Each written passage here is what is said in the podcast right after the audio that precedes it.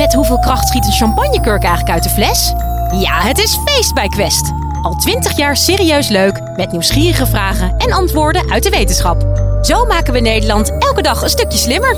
Nu in de winkel en op quest.nl. Heb je je ooit afgevraagd waarom de dokter met een hamertje tegen je knie tikte? Volgens biomechanicus Dave Abink van de TU Delft heeft het alles te maken met je zesde zintuig.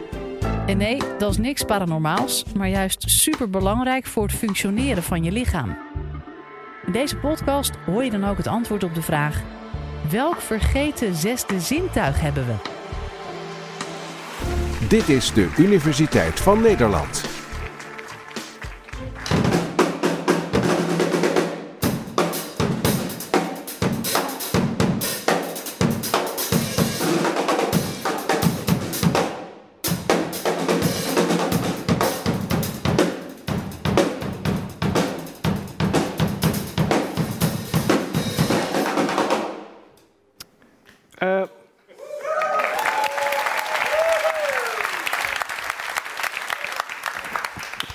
Ja, kijk, ik vermaak me wel.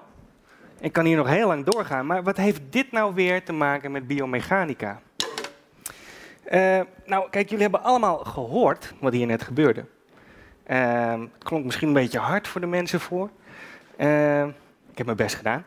Eh, maar ehm, eh, ik heb ook natuurlijk gezien wat ik deed en gehoord. Maar om het uit te voeren moest ik het ook heel goed voelen. Ik moest voelen wat de krachten op die stokjes zijn. En ik moest natuurlijk ook horen of het allemaal goed klinkt. Maar vooral dat gevoel is voor het uitvoeren heel erg belangrijk. En dat voelen, daar wil ik het dit college over hebben. Hoe kan dat nou eigenlijk? Hoe doen we dat? Hoe kan het dat wij voelen? Waar zit hem dat in? Nou, er zijn eigenlijk twee heel belangrijke elementen. Eentje kennen we eigenlijk allemaal. Tastzin noemen we dat. Dat zijn eigenlijk de sensoren in onze vingers. En de ander die is wat minder bekend. Die heet ook wel het zesde zintuig. Iemand een idee wat het is? Intuïtie, ja, ja, dat denken we eigenlijk allemaal bij zesde zintuig. Hè? Maar dat is niet zo. Dat is eigenlijk het zevende zintuig. Het zesde zintuig is gewoon, zijn echt bestaande sensoren, hoef je helemaal niet na te denken over intuïtie. Dat zijn sensoren die zitten in onze spieren. En dat heet propriocepties. Daar ga ik straks allemaal meer over vertellen. Maar eerst even die tastzin. Dat is het makkelijkst voor te stellen. Dat kennen we allemaal, hè? Tastzin. Kunnen dingen aanraken. Ehm, dat is heel erg bela- belangrijk. En stel nou dat je dat niet zou hebben. Geen tastzin meer. Hoe zou dat nou zijn? Ze zeggen wel eens, ja, dan kan je je handen allemaal openhalen. En het is juist eh, ter bescherming van ons. Maar het is ook heel handig bij het uitvoeren van dingen. Eigenlijk zou ik me afvragen, zou ik nog wel kunnen drummen? Als ik, als ik niet meer zou kunnen voelen.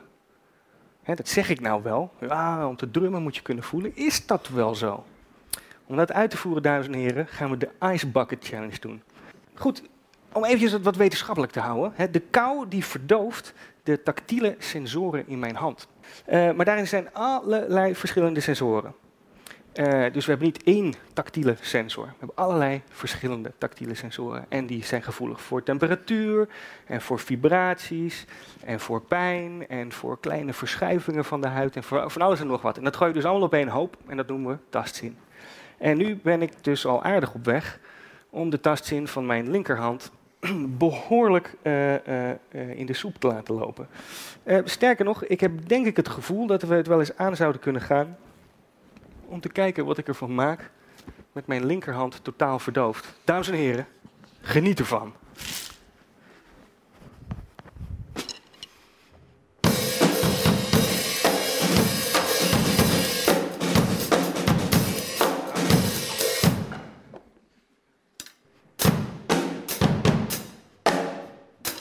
Nou, hé, hey, wacht. Club R, hè?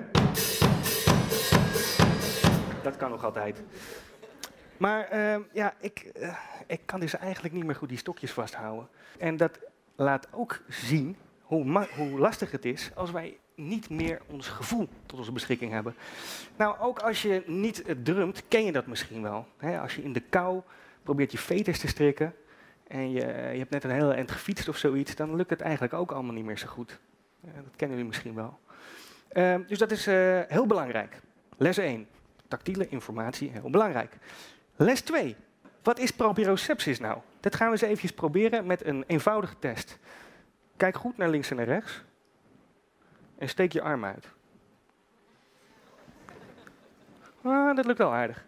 En dan gaan we nu samen met mij, allemaal, in één keer proberen deze twee vingertoppen boven ons hoofd aan te raken. Daar gaan we. Hop. Oké, ik zie dat een aantal mensen dat heel goed deden, maar een aantal mensen die maken, ja, die doen het eigenlijk een beetje nep. Hè? Hoe kan het nou eigenlijk? Je ziet het niet. Hier voelen we ook helemaal geen tactiele informatie. En toch zijn we in staat om behoorlijk nauwkeurig onze vingers bij elkaar te brengen. Dat, dames en heren, is proprioceptie. We hebben allemaal sensoren in onze spieren zitten en in onze pezen die iets vertellen over de rek en de reksnelheid in onze spieren, hoeveel dat uitgerekt wordt, en over de kracht in onze pezen. En dat betekent dat we eigenlijk overal positie, snelheids- en krachtopnemertjes hebben zitten in ons hele lichaam. En dat zit er altijd. Daarom vergeten we het eigenlijk. Daarom heeft niemand het over het zesde zintuig. Want het is er altijd. Ehm, is dat er wel altijd? Uh, daar gaan we het straks over hebben. Maar eerst nog heel eventjes een ander bekend voorbeeld van proprioceptie. Dat kennen we allemaal als de kniepeesreflex. Nou, je kent dat misschien wel uh, bij de dokter. Dat dan met zo'n hamertje eigenlijk hierop slaan. Hè. Dan, wat er dan gebeurt is, dan rekt je pees rekt uit. Daarmee rekt die spier in één keer heel erg snel uit. En dan zegt de proprioceptieve feedback in jouw spier, zegt, hé, hey, wacht eens eventjes, ik word heel erg snel uitgerekt. Uh, dat ga ik eens even terugsturen naar het ruggenmerg. Nou, dat gaat naar het ruggenmerg terug. En bij het ruggenmerg zeggen ze, hey, van boven kreeg ik eigenlijk helemaal geen commando om uh, mijn spier heel erg snel te gaan uitrekken. Dus, dus dat is eigenlijk een beetje vreemd. Dat, gaan we tegenwerken. En die stuurt een signaaltje naar onze spier toe om samen te trekken. En wat gebeurt er? Spier gaat samentrekken, hop, been gaat naar voren. Nou, er wordt getest om te kijken of alles nog werkt bij je. Over het algemeen werkt dat dus bij iedereen altijd. Dat betekent dat je dus heel erg snel kan reageren op proprioceptieve informatie. Veel sneller dan als je iets ziet en moet gaan nadenken van, nou, wat betekent dat? Moet oh, een signaaltje naar beneden sturen en dan je spieren aansturen. Heel snel is dat. Um, dat maak ik dus ook gebruik van als ik aan het drummen ben. Als ik dat niet zou hebben, zou ik veel minder snel kunnen spelen en zou ik ook eigenlijk niet meer zo goed kunnen lopen. En, maar ja, dat kun je dus niet zo makkelijk uitschakelen, net als met zo'n uh, testje wat we net deden. Uh, je kan je dus ook uh, uh, voorstellen dat je eigenlijk naar heel gekke gevallen moet kijken. Um, wil je bestuderen hoe het is om geen proprioceptie te hebben? Betekent dat dat je je spieren niet meer aan kan sturen? Nee, dat kan nog steeds. Geen enkel probleem. Je kan nog commando's naar je spieren sturen om, om samen te, te, te spannen, hè, maar je kan dus eigenlijk niks meer voelen. Dat is heel vreemd. Nou, en er is eigenlijk uh, één patiënt waar een keer een documentaire over gemaakt is. Uh, en die, uh, die heette uh, Ian Waterman. En dit documentaire heet volgens mij The Man Who Lost His Body.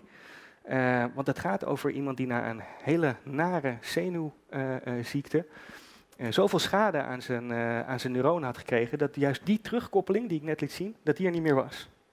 Alles wat bij ons automatisch gaat, waar we niet over na hoeven te denken, daar moest hij de hele tijd over nadenken. En continu in de gaten houden met zijn ogen wat normaal gesproken bij ons, ja, dus via onze propriocepties gaat, waar we niet over na hoeven te denken.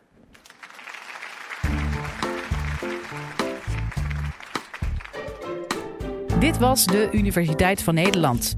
Wil je nou nog meer wetenschappelijke antwoorden op spannende vragen? Check dan de hele playlist.